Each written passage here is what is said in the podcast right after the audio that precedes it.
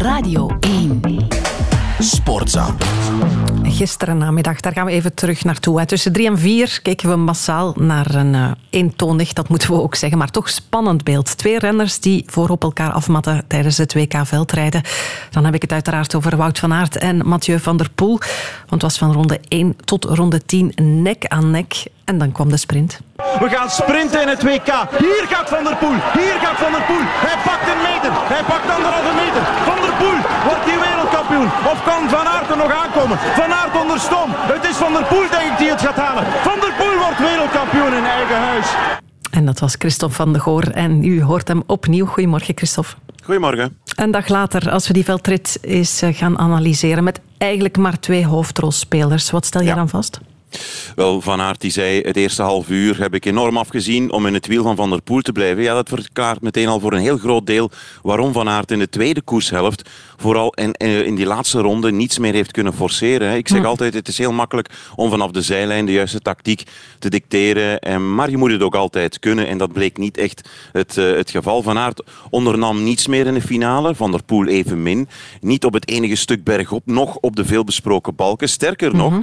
Van der Poel drong Van Aert de kop op. Hè. Dat weten we intussen, liet die laatste ronde volledig aan hem over. En dat bracht Van Aert in de war, zei achteraf, waardoor hij vergat een goede sprint te rijden. En tactisch is dat dus zeer uitgekookt van de Nederlander. En ja, die sprint zelf, daar laat Van Aert zich verrassen door de startsnelheid van Van der Poel. Die is enorm krachtig in die eerste meters. Hij weet dat, want hij heeft hetzelfde meegemaakt in de sprint van de Corona-ronde 2020 in de Ronde van Vlaanderen. En gisteren is dan datzelfde gebeurd. Dus de winnaar van de groene trui in de Tour, de snelste op de Champs-Élysées, gevloerd in de sprint dat is wel iets. En ja, tijdens de cross leek Van der Poel al te winnen op punten.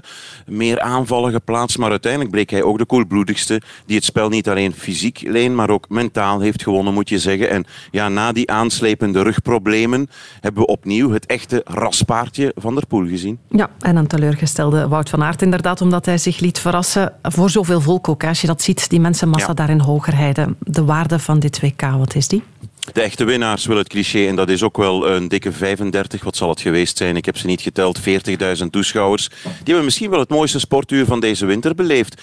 Uh, beleving, spanning, het duel op het scherp van de snee, met dank aan twee toppers in hun vak.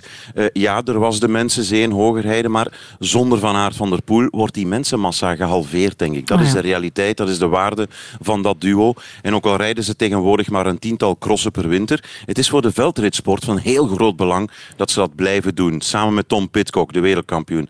Door het feit dat die mannen elkaar vaak sportief tot het uiterste drijven, in een niet aflatende drang om de beste te zijn, zorgen ze ja, voor dat beklijvende gevoel bij de sportliefhebber. En dat is hun absolute meerwaarde. En dat gevoel of die spanning kunnen alleen ja, die toppers en helaas denk ik niet die andere veldrijders creëren. Dat is de mhm. realiteitlijn die zich vertaalt niet alleen in de kijkcijfers, maar ook in, in toeschouwersaantallen. En dat is voor zeer groot belang van het veldrijden dat die mannen blijven crossen. Want ja, we moeten daarbij stilstaan een winnaar op Alpe d'Huez in de Tour, Pitcock. Een tweevoudig winnaar van, van Vlaanderen, Van der Poel. De groene trui in de Tour, Van Aert. Ik denk eerlijk gezegd dat de waarde hiervan na hun actieve carrières nog duidelijker zal worden. Dat deze tijdsperiode van Aert van der Poel, die we nu beleven, later een heel belangrijk hoofdstuk zal worden uh, in het boek van de wielergeschiedenis. Ja, twee figuren waar we niet omheen kunnen, maar België haalt wel vijf individuele medailles. Blijven die dan een beetje onderbelicht? Licht. Ja, ja een, een goede generatiebelofte hebben we met uh, Thibaut Nijs als exponent. Hij niet alleen, hij zorgde wel voor de enige wereldtitel.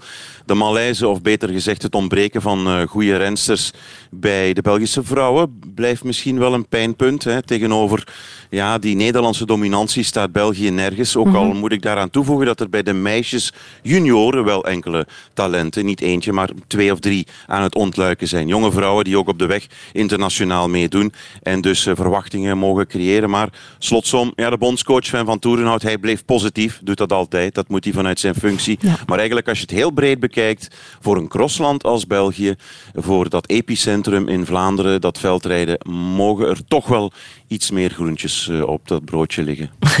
dat mag komen, dat is uh, duidelijk. Dankjewel, Christophe van de Goor. Met plezier. Sportza.